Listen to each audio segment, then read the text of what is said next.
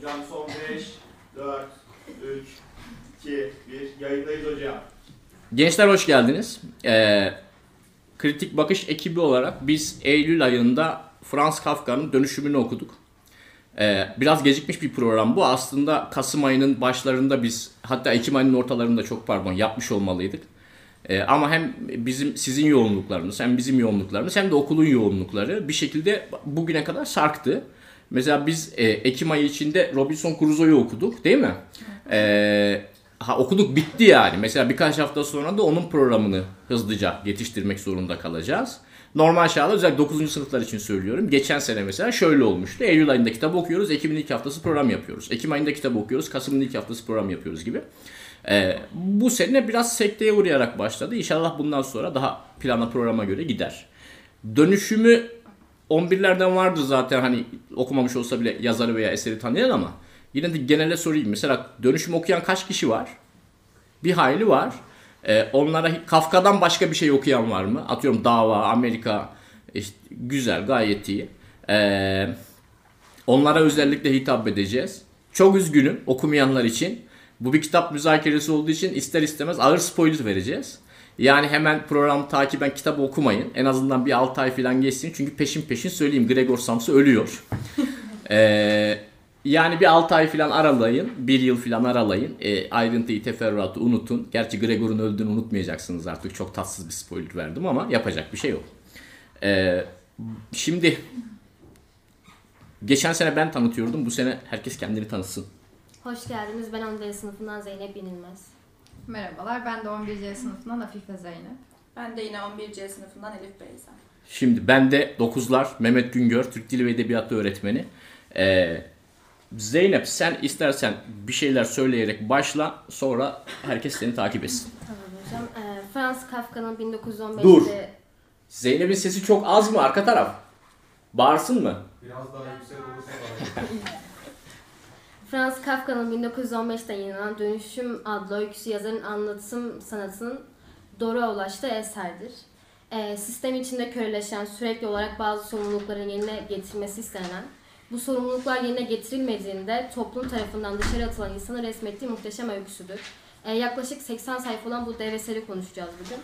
Ee, sizlere kısaca kitabın içeriğinden bahsetmek istiyorum. Bir sabah kalkıyorsunuz ve bir böceğe dönüşmüş olarak kendinizi buluyorsunuz. Yatakta kalkmaya çalışıyorsunuz fakat bunu yapmak daha önceki sabah Böyle kadar hikaye mi olur ya? kolay olmuyor. Ha? Yat, bir adam bir sabah yatağında uyanıp kendini kocaman bir böceğe dönüşmüş olarak buluyor. Öyle hikaye mi olur? Olmuş. Olmu? Çok da güzel olmuş. Çok da güzel olmuş eyvallah. Ee, aile bireyleri Nasıl güzel için... trolledim ama ne söyleyeceğimi unuttum. Hocam ilk için ya yapmasanız. Aile bireyleri için bir tiksinme ve utanç kaynağı olmuştur Gregor. Ancak insan gibi hissetmeye ve düşünmeye devam etmiştir. Samsa kendini e, ait olan odadan çıkmamış, aile bireyleriyle göz göze gelmemiş. E, bu şekilde hayatını yaşıyor durmuştur. E, nihayet bir gece kız kardeşinin e, çaldığı keman sesine etkilenerek saklandığı delikten çıkmış. Ailesinin arasına katılmaya çalışmış. Ancak e, ailesi tarafından dövülüp, kovularak odasına geri dönmüş ve bir zaman sonra ölmüş. E, Öldü yani. Onun altını ısrarla çizelim de iyice hiç unutmuyor, aa, şey yapmayan kalmasın anlam. Evet. e, Yani bir cümleyle Gregor Samsa diye bir herif var. Bir gün sabah yatağında uyandı kendini kocaman bir böceğe dönüşmüş olarak buldu. Olaylar gelişti sonra da öldü. Evet. Hikaye bu. Ayrıntıyı konuşuruz. Ekleyeceğim bir şey var mı? yok hocam. Yok. Kimin ekleyecek bir şey var? Ee, bahsedelim o zaman. Neden böceğe dönüştü? Yani niye bunu yaşadı? Şimdi okuyanlar gayet iyi kafalarında kurdular bizim neyden bahsettiğimizi ama yani burada yatağında kocaman böceğe dönüşmüş olarak kendini bulan bir adam var. Ee, yani olacak şey değil. Hatta ortaokul 9. sınıflar hatırlar. Ortaokulda Türkçe öğretmeniniz dedi ki roman veya hikaye işte olmuş ya da olabilecek olaylar anlatan anlatılardır. Şimdi ne olduğu var ne olacağı var. Bir adam kendini böceğe dönüşmüş olarak bulmaz. O zaman belli ki yazarın bir gündemi var. Yazar bizi bir yere doğru angaje etmeye çalışıyor. O yön hangi yön? Şimdi Gregor'un, şimdi hikayenin somut yönüne bakalım. Gregor iş yükü altında ezilen bir birey. Gerçekten çok yoğun çalışıyor. Ayrıyeten bütün aile bireyleri de Gregor'a bakıyor. Geçimi ondan sağlanıyor, evin kirası bundan şey yapıyor. Ayrıca bir de babasının borcu var sanırım. Aynen. Bir de babasının borcunu ödüyor. Ama evdeki kimse de kılını kıpırdatmıyor. Babası yan gelip yatıyor. Evdeki diğerleri gayet hayatı da güzel yaşıyor. Gregor gerçekten bir köle gibi. Evet. Gecesini Adı gündüzüne konulmamış bir katarak köle. e, şeyin altında o patronunun baskıları altında ezilen bir birey. E, biz de bu artık ezilmesinin sonucu olarak bir gece korkulu rüyalardan uyanıp böceğe dönüşmüş olarak bulduk. E, modern toplumdaki bireyi yansıtıyor. Biz buradan bunu anladık. Yani bir sürü şekilde hepimizin hayatında baskılar var. Eğitim belki olmayabilir ama iş yükü özellikle. E, genel olarak birey buna bir baş kaldırı yapmıyor, yapamıyor. Evet.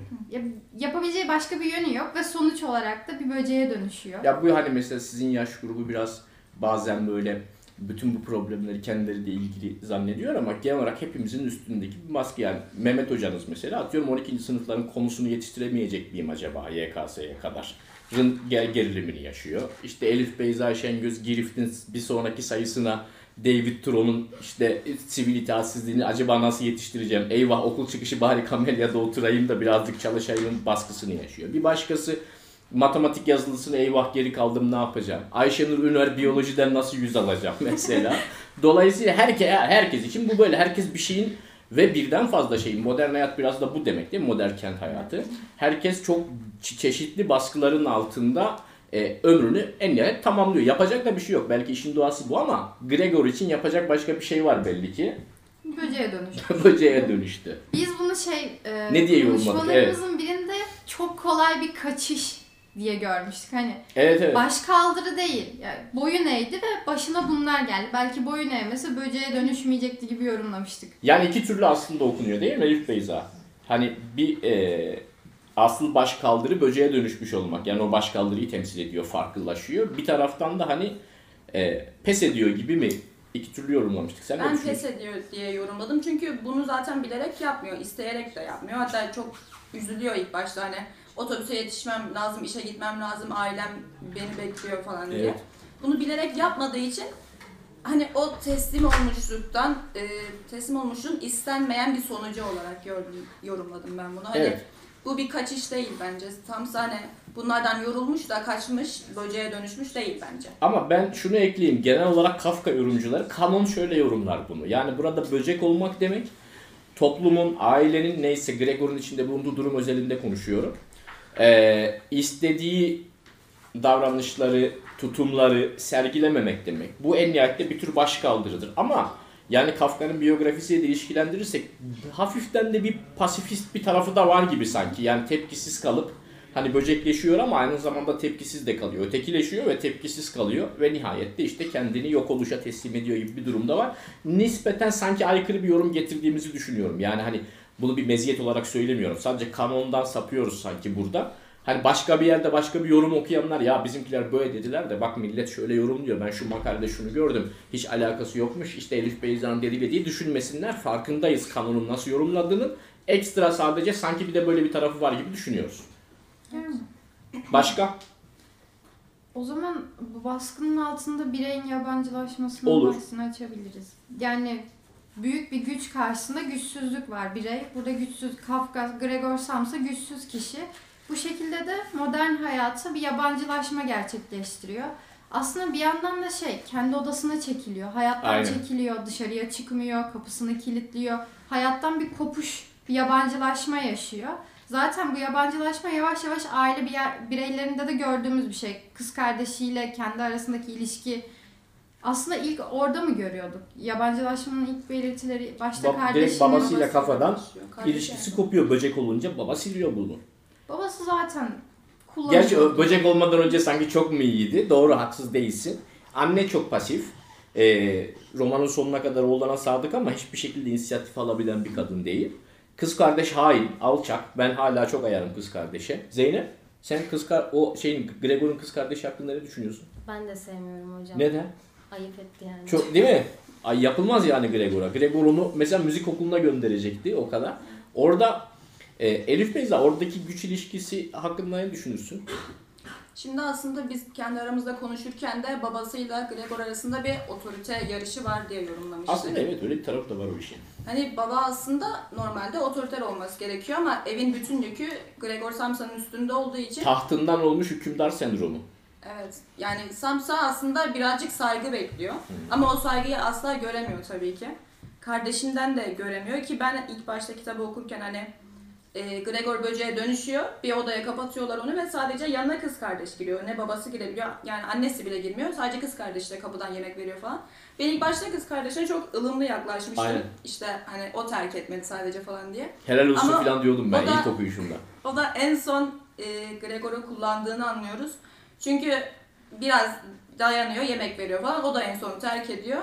İşte onu öldürelim, keşke şey diyeceğim. kurtulsak falan muhabbetine gidiyor. İlk ondan çıkmıyor mu bu? Yani kurtulmamız Zaten. lazım Evet. fikri ilk ondan çıkıyor. Zaten Direkt sende ve. Brutus yani direkt. Evet, evet. Ama bir de şöyle bakmamız lazım. Aile bireylerin Gre- Gregor'a bakış açısı bir yerden sonra değişti. Bu o değil dediler. Yani Hmm. bir kabulleniş vardı. Hani artık gitti, öldü. Evet. Başka bir şey buradaki. Evet evet. Kabullenişi de vardı. Çünkü ilk başta böceğe dönüşünce insanlık e, fonksiyonlarını ger- gerçekleştirebiliyordu. Hani onları anlayabiliyordu. Hı.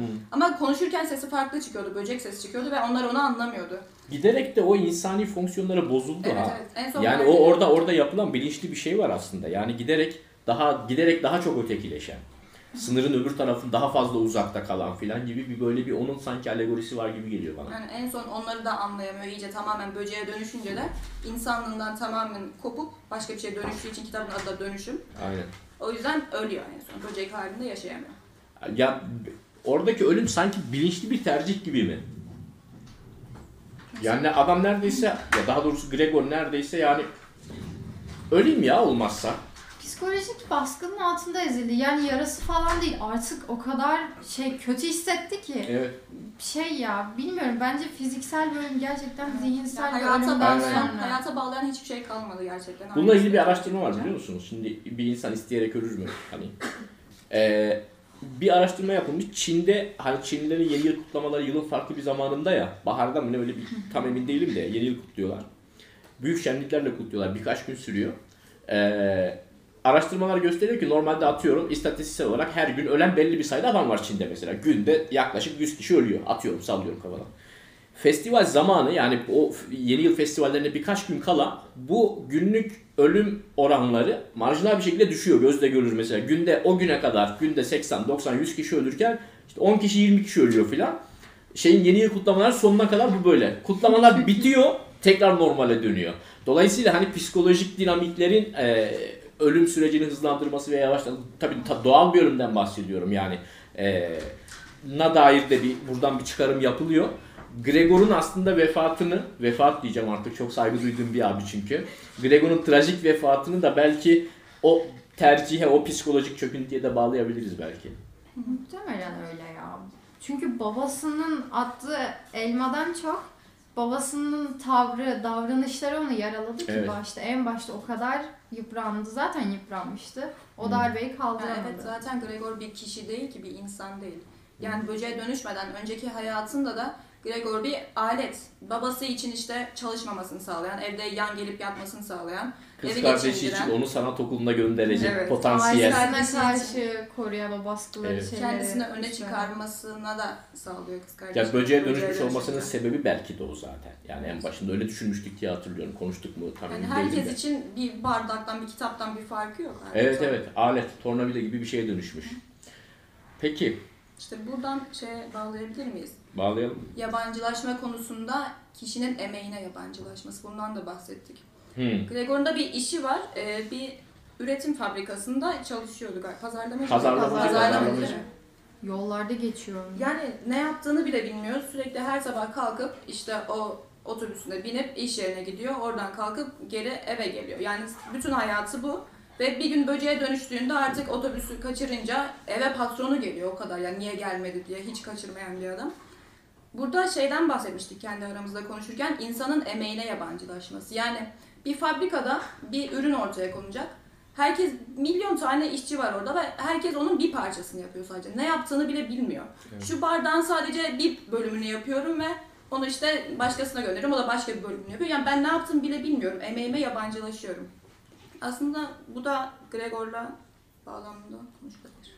Evet, e, yani hani ben kendi mesleğim üzerinden düşünüyorum o meseleyi. Onunla ilgili birkaç tane makale okumuştum. Hani mesela bizim meslek o açıdan iyidir yani. Sizinle direkt temas kuruyoruz. Ondan sonra acı tatlı neyse yani. E, hele hele mezun atıyorum mezun öğrenci geliyor okula. O dönütü geri alıyorsun. Çocuk bir şey olmuş. Senin kattığın bir şey 20 yıl sonra mesaj atıyor. İşte hocam bana şunu kattınız diyor mesela atıyorum. Dolayısıyla benim hani iş insan ilişkinin dışında en nihayetinde bir iş ilişkimiz var. Benim işimin bir parçasısınız siz maalesef. Nesne gibisiniz. Bir dönüş alıyorum. Veya işte marangoza gidiyorsun. Herif masayı yapmış. Yani bütün yaptığı işin bütünüyle makul bir ilişkisi var. O iş ne işe yarıyor? Neden yaptı? Kime verdi? Vesaire vesaire. Ama mesela işte Bayraktar TB2'nin üretim platformunda herif bir tane tornavidayla uğraşıyor sadece. Totalde yaptığı işle, ya totaldeki ürünle onun yaptığı iş arasında o kadar büyük bir uçurum var ki e, muhtemelen e, kişinin işiyle kurduğu duygusal bağı, mesela benim anlamam mümkün değil çünkü ben çok rahat o duygusal bağ kurabiliyorum. E, koparıyor. Çoğunlukla uz, bazı uzmanlar bu meseleyi e, şeyin çalışanın emeğine yabancılaşması olarak yorumlarlar. Kafka'nın daha doğrusu Gregor'un durumunda bir tık o var gibi. Benim en çok orada şey dikkatimi çekmişti Zeynep fark ettin mi bilmiyorum. Ee, hikayenin o ilk galiba 10-20 sayfasında filan hani uyandı. Aa böceğim lan dedi. Sürekli saat değil mi? Dakika başı. Nasıldı orası? Üzücü hocam. Ama hala şey ya bir de o vardı yani kimse böcek olmasını yadırgamıyor. Durum Aynen, o değil Absürt yani. bir durum. Ailesinin üzüldüğü de o değil. Para, maddiyat, nasıl geçimimizi sağlayacağız, bu borç nasıl İşveren gidecek? gelmiş niye gelmiyor işe Ama diyor. kimse. Gregor'un derdinde değil. Umurlarında çünkü bir aletti ve onu kaybettiler. Evet. Ee, şey çok enteresandı. Kafka'nın usta yazar oluşunun güzel bir ispatı bence o. Ee, romanın ilk 10 sayfası boyunca gerilimi tırmandırmak için Gregor yatağında kendini böcek olarak bulmuş, üstündeki yorganı bile kaldıramaz vaziyette. Bırakalım işe gitmeyi. Çünkü bir sürü küçük, hani gözünüzün önünde iğrenç bir böcek imgesi getirin, sırt üstü yatmış. Biraz daha teferruat vereyim mi? Özellikle böcek, böcek imgesinden rahatsız olanlar. Evet evet Kübra'nın çizimi ee, tatlıydı. gayet başarılıydı. Gerçi o semp Çok doğru söylüyorsun. oldu. Çok sempatik bir çizimdi o. Yani ben gözünüzün önüne iri bir hamam böceği getirin istiyorum. Bacakları böyle kımıl kımıl, sırt üstü geri dönemiyor filan. Ee, sürekli şöyle yapıyor. Kitabı okumayanlar için söylüyorum. Okuyanlar hatırlayacaktır o kısımları. Saat diyor altı buçuk diyor. Eyvah işe gitmem lazım. Nasıl kalkacağım diyor. Araya bir takım laflar giriyor. Eyvah diyor saat 7'ye çeyrek var diyor. Bak 15 dakikanın hesabını yapıyor. 5 dakikanın yazar için konuşuyor. Anlatıcı. 5 dakikaya bir, 10 dakikaya bir, yarım saatte bir sürekli bize zamanı hatırlatıyor. Artık işe gidemeyeceği kesinleşince hatta işveren filan eve gelince herkes onun bir böceğe dönüştüğünü anlayınca anladığım noktadan itibaren saatte hiçbir işi kalmıyor yazarın. 20. sayfadan 80. sayfaya kadar bir kere saatten bahsetmedi. Çok bence usta işi bir gerilim inşası o. Hiç fark ettirmeden e, okuyucuyu böyle o ayrıntıya dikkat et. Sen de geriliyorsun mi? Yani normalde okuyucu farkında olmadan şunu yapar. Gidemeyecek işe ya filan gibi böyle bir gerilirsin yani. Dakika dakika dakika dakika sayıyor. Nihayet artık onunla işi kalmıyor gibi. E, bu aynı zamanda Kafka'nın emeğine ya da işine yabancılaşması ne Kafkası Gregor'un emeğine ve işine yabancılaşması ile ilgili güzel bir temsildi bence. Tam da buradan bence ekspresyonizmle ilgili birkaç şey söylemek lazım. Yani yatağında böyle kımıl kımıl böceğe dönüşmüş bir adam varken absürt bir durumla karşı karşıyayız. Şimdi Değil mi? Ekspresyonizmi kısaca bir tanımlayacak olursak e, eserlerde şöyle ortaya çıkıyor. Yazarın anlatmak istediği şeyi bambaşka bir bağlamda, bambaşka bir nesne, imge kullanarak anlatmaya çalışması. Burada da büyük bir örneğini görüyoruz zaten. Böcek hiç ait olmadığı bir ortamda. Yazar bunu niye kullanmış? İşte ekspresyonizm burada devreye giriyor. Anlatmak istediği şeyi başka bir şey üzerinden anlatıyor. Şunu söyleyeyim yani 11'ler zaten bilir de 9'lar için özellikle söylüyorum. Hani ortaokulda yaptığınız olmuş ya da olabilecek olayları anlatan kısa anlatılara, hikaye, uzun anlatılara, roman deniz tanımını unutun. Yok öyle bir dünya.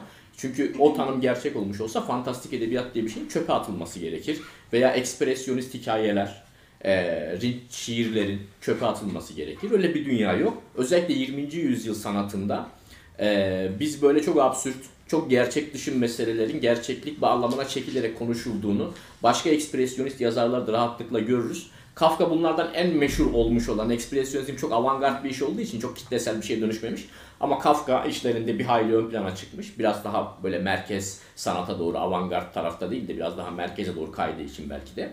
Ee, o yüzden hani olur mu lan böyle şey? Böcek ne diye düşünmüyorum. 20. yüzyıl sanatında böyle şeylerle karşılaşmam mümkün. Böcek niye diyelim mi? Neden böcek? Neden? Kafka so- okuyanlara soralım mı? Neden böcek sizce yani? Ya niye kedi? Kimdi o okuyanlar? Ben piyangodan seçeyim. Ebru niye böcek? Yani çok itici değil, hani yılan kadar itici veya korkutucu değil. Yine böyle bir samimiyet duyabilirsiniz ama çok da samimiyet Tam kuramayacağınız. iğrenç İğrenç. kelimesine karşılık Bence en iğrenç, insandan en uzak şey oluyor. İnsandan en uzak Bir şey. de büyük hali ya o kadar hani düşünmesi de hayali de kötü. Evet. Karşına hani, göre. işte yürümeydi, kalkma diyetleri diğerlerine göre daha az. Evet, çok. Evet anlatacağı şeyi de güzel tık oturuyor yani değil mi? Şey gibi. Çabuk yıpranabilir, zedelenebilir, zayıf Kırılgan, aynen, aynen. kırılgan. Evet. Başka? Bir kişi daha parmak kaldırdı ben de okudum diye. Arkadaşa katılıyorum deme sakın. Gizlendi bak parmağı kaldırdı kaçtı gitti sonra arasın dursunlar diye yapıyor herhalde. Eyvallah. Başka mesela neden böcek? Evet. Yani normal hayatta böceği düşünürsek hani daha küçük, minimal, diğer hayvanların e, şeyinde, neslinde hani dikkat edilemeyecek bir hayvan. Evet. Ve dünya üzerinde Grigor da zaten o şekilde bir insan olduğu için hani o şekilde bir bağdaştırma kurulmuş. Harika sen de haklısın. Yani o zaman bir kırılgan, iki iğrenç, üç Görmezden İnsan. gelebilir. görmezden gelinebilir, zarar verilebilir, ondan sonra kolaylıkla çöpe atılabilir vesaire vesaire. Dolayısıyla yine Kafka, yine usta işi. Yani herhangi bir şey olabilirdi bak. Var olanlar var olan her şeyin içinde milyon tane şey olabilirdi. Böcek olabilecek şu hikaye için, şu kurgu için, şu anlatılmaya çalışılan şey için herhalde olabilecek tek alternatif. Dolayısıyla başarılı, basit gibi görünüyor da başarılı bence. Bir de şey değil mi? Modern bireyi en iyi yansıtan bu. Çünkü yalnız, iletişimsiz Hmm. ve şey, kırılgan bir yapıda. Ya modern bireyden yabancılaşmış bir hal. Modern bireyden neyi kastediyoruz bu arada? Modern toplumdan yabancılaşmış. Tamam Şimdi- modern toplumdan neyi kastediyoruz bu arada? Yani biz mesela şimdi uğrayan. Çorum'da Evet. bir de şöyle bir şey var. Şimdi anlatıyoruz modern birey işte iş, işin kapanına kısılmış yok işte şehrin kapanına kısılmış falan da biz Çorum'da o kadar da kapana Şöyle. kısılmadık ya. Bir tek çevre yolundaki inşaat çok bizi kapana kısıyor sabahları ama normalde o kadar da değil. Yani bunun şeyi nedir? Tam prototipi tam böyle tık diye şu çer- çizdiğimiz çerçeveye uyar hocam. Şu diyeceğimiz bağlam neresi? Hadi bakalım. Çok Çalışmadı. Yani. kayıt altında böyle bir takım küçük rezillikler yaşayalım. Buraları keser. Bülent buraları kesermişiz oğlum. yani tabii ki modern metropol yani biz hani Türkiye üzerinde İstanbul gibi, Ankara gibi, İzmir gibi veya işte dünya genelinde New York gibi, Londra gibi, ne bileyim Berlin gibi. Yani bu bu koşturmacanın geçenlerde birkaç arkadaşla akşam 9'da bir yerde çay içmeye sözleştik. Oluyor birkaç hafta. Ee, işte Ankara'da doğmuş büyümüş, İstanbul'da okumuş, Amerika'da Pardon. Buraları da keseriz olmazsa. Amerika'da lisanslı çalışma yapmış filan birisi gelmiş Çorum'da çalışıyor. Ee, dedi ki ya dedi, şunu İstanbul'da yapmaya kalksaydık 6'da evden çıkmamız gerekiyordu ki 9'da buluşabilelim. İşte saat 11'e kadar çay içtik. Eve de artık 2'de ulaşırsın veya 1'de ulaşırsın neyse. Tam da bu işte yani hani şey gibi bilmiyorum hiç Bülent bilir anakarta şöyle yukarıdan bir bilgisayarın anakartına yukarıdan bakan var mı? Tam da şeydir metropolün imgesidir o. Yani veri yolları böyle gider küçük küçük transistörler kutu kutu. Biz de deney faresi gibi onların arasından böyle habire dolaşıp duruyoruz. Aslında bence dönüşümün bir bir alegorisi de bu gibi geliyor. Sadece bu değil elbette ama bir de bu var. Ekstra bilgi vereyim mi? Az önce Şov mu yapacaksın? evet şov yaptım. Yap. Ee, az önce dedik ya böcek kırılgan falan diye. Ee, şeyde kitabın bir bölümünde Gregor'un duvarlarda gezindiğinden bahsediyor. Evet. Hiç arkasında iz bırakarak. O tablo işi var. Bak unutuyoruz arkadaşlar. evet. Bir de bir kadının tablosu vardı hani kürklü mürklü. Onu bırakmıyor insan. O, bari bu kalsın filan gibi. İnsanca tek tarafın bu gibi filan. çok da konuşmadık. Onun üstüne bay- o bayağı üzerine yazılmış çizilmiş bir şey aslında da sıra gelmedi onu konuşmaya. Çok enteresan bir imge o. Bu kitabın aslında Almanca ya, bu duvarda gezinme, sürünme fiili Ha? aslında aynı zamanda savunmasız ve kırılgan anlamına geliyormuş. Seda Oo, hocam. Seda daha iyi hocam bilir. siz buradayken Almanca ahkamı da kesti ama. Aslında hiç bilmem, sormayın. Ama bu gezinme fiili savunmasız kırılgan anlamına geliyormuş. Enteresan. Böyle kitapta birkaç tane var. Mesela Samsa, şey karakterin soyadı mı? Değil mi? Gregor Samsa. Tabii tabii Gregor Samsa. Çekçe'de yalnızım demekmiş. Allah Allah. Bak Çok ben şeyler var. Ya da yani Bu bunun kısım dışında- aramızda konuştuğumuz bir şey değildi. Şaşırma Bunu tiyatro değil sakladım. yani ilk defa duyuyorum. Yani Samsa'nın kökenine dair işte şeyler var, teoriler var. Mesela Samsara modern dinlerde birincil olarak dünya anlamına geliyormuş. Dünya Hmm. Samsara. Hani oradan mı geliyor, buradan mı geliyor? Kafka'nın dediği bir şey yok ama bunlar yorumlar. Ya en başta söyleyeceğim şeyi unuttum söylemeyi. Aslında Kafka hakikaten mesela modern edebiyat içerisinde hakkında en çok yazılmış, en çok konuşulmuş, en çok tartışılmış adamlardan birisi. Yani böyle öyle ki neredeyse böyle hani bir dinin işte kutsal kitabı üzerinde nasıl benzetme götürmez tabii ki misalen söylüyorum. Nasıl böyle literatür dolusu araştırma yapılmıştır. Kafka da öyle. Hani 1912 yılında yayınlanmış mesela şey dönüşüm. Ee, yayınlandığı günden bugüne kadar hele hele Kafka 1924 müydü ölüm tarihi? Yani o, o yıllardan itibaren özellikle bir de Naziler e, Kafka'nın sanatını yoz sanat olarak değerlendirdikleri için eserlerini falan yakmaya çalışmışlar. O da tabii bir sempatik popülarite yaratıyor ister istemez. Özellikle 2. Dünya Savaşı'ndan sonra e, bir hayli gündemde ve o günden bugüne yani yapılmamış çalışma yok ya enteresan bir adam. Milyon tane dilde milyon tane çalışma yapılmış. Başka var mı şov? Elif Beyza. Bitti bu kadar mı? Eyvallah. Ee, İlla ki var daha konuşulacak bir şeyler ama toparlayalım mı? Ekleyeceğimiz bir şey kaldı mı? Şeyden bahsedebiliriz. Elma. Yaraladı babası elma attı He. sırtına. Neden O, elma Neden demiştik. elma? Soralım mı okuyanlara? Neden elma? Cevap vermek isteyen var mı? ucu açık kalmıştı. Bilmiyorum. Az önce birkaç tane te- mütereddit arka sıralardan mütereddit parmak kalktıydı. yani elma? Onlar da korktular Neden bütünüyle. elma? Hatta şöyle araya da gizlenmiş olabilirler yani bizi görmesinler diye. Neden elma? Çıkarımınız Elma var mı? neyi çağrıştırıyor olabilir? Ayşenur? Kutsal meyve falan. Ay bunu Şunu hatırlayayım. neden elma ya? Konuşamadım daha doğrusu. Size soru hazırlıyordum şu an kafamda. trolleyecek. Bizi ama daha, daha bir de soru varsa bak program uzar. Kübra neden elma ya? Hocam e, bizim de aramızda konuştuğumuz gibi e, e, Onu söyleyince şimdi bütün hep tiyatro olduğu anlaşıldı. Bütün büyüyü bozdu. Bence konuştuğumuz herkes biliyor zaten. Yani konuştunuz? e, Ne zaman? Kim? Ne zaman? kutsal elma, kutsal meyve dediğimiz Evet. elma yani hani yasak e, meyve dediğimizde bir e, Evet evet değil mi? Eski ahitte Tevrat'ta o Adem'le Havva'nın cennetten kovulması meselesinde kıssasında orada yenilen yasak meyvenin ya da Yahudi geleneğinde elma olduğunu biliyoruz. Evet, e, şey babasının e, Gregor'a fırlattığı meyve kendisi ve orada belki de e, babasının Gregor'a karşı olan tüm nefretinin, e, tüm Simge. sevgisizliğinin simgesi olabilir diye düşünüyorum. Ya da geleneğin mermisi yani madem sınırların dışına çıkıyorsun o zaman al sana geleneksel bilginin Aynen. taşı gibi. O da olabilir.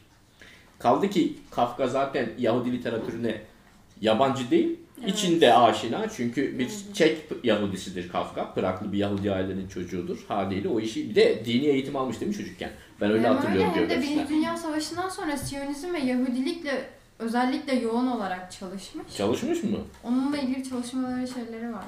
Zaten Tevrat'a gönderme İşte bunlar hep. Siyonistlerin oyununa bağlayalım mı? Var mı başka bir şey? Soru alalım mı? Soru Çünkü alalım. zaten zaman. Var mı sorusu olan? Yazıyor? Evet Ayşe. Ee. Eyvallah. Ee, şimdi şöyle hocam, ee, bizim programlarımızın vazgeçilmez sorusunu öncelikle sormak istiyorum. Kimyasaylı değil mi? Hayır. Evet. Ama Çok hazırlıksız yakalandık. Bayağı Gerçekten şimdi bizi. ya. Ama benim hemen bir cevabım var. Şu an aklıma geldi. Var mı aklında bir şey? Albert Camus. Albert Camus. Can Paul. Jean. Sıradan varoluşçuları sayalım da hani aman ağzımızın tadı bozulmasın Ali Rıza Bey. Başka? Elif Bey şey Afife var mı? Ben de Albert. Benim Albert. aklıma geldi. Niye böyle yapıyorsun? Afife söyleyecekti onu. Hayır ama Hocam go for it. Gogo. Ayşenur bunu Yine suluyor. Gogo. Ayşenur Bir dakika, sen evet. kim yazsaydı? Evet evet. Ayşenur sence kim yazsaydı? Bizi trollemesi değil. Hocam niye beni soruyorsun? Almadık önde. Ben olsam eee, şey derdim. Karanlığın Yüreğinin yazarının adını getiremeyim de öyle güneşin çizgisi. buraları komple kesmemiz gerekecek öyle duruyor. Ee, Daha geçen. Konrad, Konrad, Joseph Konrad. Evet. Güzel karan, daha da karanlık anlatırdı Kafka'dan gibi geliyor bana. Konrad okuyan var mı? Joseph Konrad. Aklınıza düşürmüş olayı. Karanlığın yüreği çok sağlam eserdir. Aklımızda bulunsun. Pekala. Başka soru Başka soru var mı? Bu klasik geleneksel sorunun dışında. Kübra? Hocam ben de hazır tüm tiyatro ortaya çıkmışken aynı devam edeyim. Bütün büyü... E, Bari şu dokuzların yanında yapmasaydı siz biliyorsunuz da. Evet. Ben de söyleyeyim. Ee, yine klasik sorumuz. Ee, sizce bir balon mu? Oo bu çok ağır. Onu ama biz hep kendi aramızda yapıyorduk. Umumu açık yer. Evet. Neyse biz böyle şeyler yapıyoruz ama şaka olsun diye Şey gençler. merak ediyorum. Arkadaş, hani okumayan arkadaşlarda bir merak uyandırdı mı? Okuyayım dedin ya. Harikasın. Soralım. Hiç dönüşümü okumamış veya Kafka'dan bir şey okumamış arkadaşlar. Şu muhabbetin üzerine lan acaba enteresan bir şeye benziyor ben okusam mı diyen var mı? Salon kamerasını çalıştırma. Çalıştır. Eyvallah. Pekala enteresan bir meseleye benziyor diyen birkaç kişi var. Ee, peki Kafka bir balon mu? diye aforoz edilmek üzere bir soru sorayım. Cevabı belli zaten ver de kurtulalım. Değil yok canım Değil o kadar. E, Dünya Edebiyat tarihinin en kült adamlarından bir tanesi. Yani şey gibi çağ açıp çağ kapatan türlerden yani. Do- Difo'yu derim buna da. Nasıl? Difo. Difo'ya derim balon. Yok yok ona da deme. Ona da deme. Sakın çarmıha girerler adam. Eyvallah. Falan balon biz çok Çok tehlikeli konuştuk hocam. Pekala. O zaman biz ya yavaş yavaş tehlikeli sulara girmeye başlıyoruz. Artık burada bitirelim. Suyumuz ısınıyor gibi. Teşekkür ederiz bizi dikkatle dinlediğiniz için. Ee, inşallah bir dahaki programda artık sizin sınıflarınız denk gelir mi bilmiyorum ama denk gelirse eğer bir, bir dahaki programda görüşmek üzere. Hoşçakalın.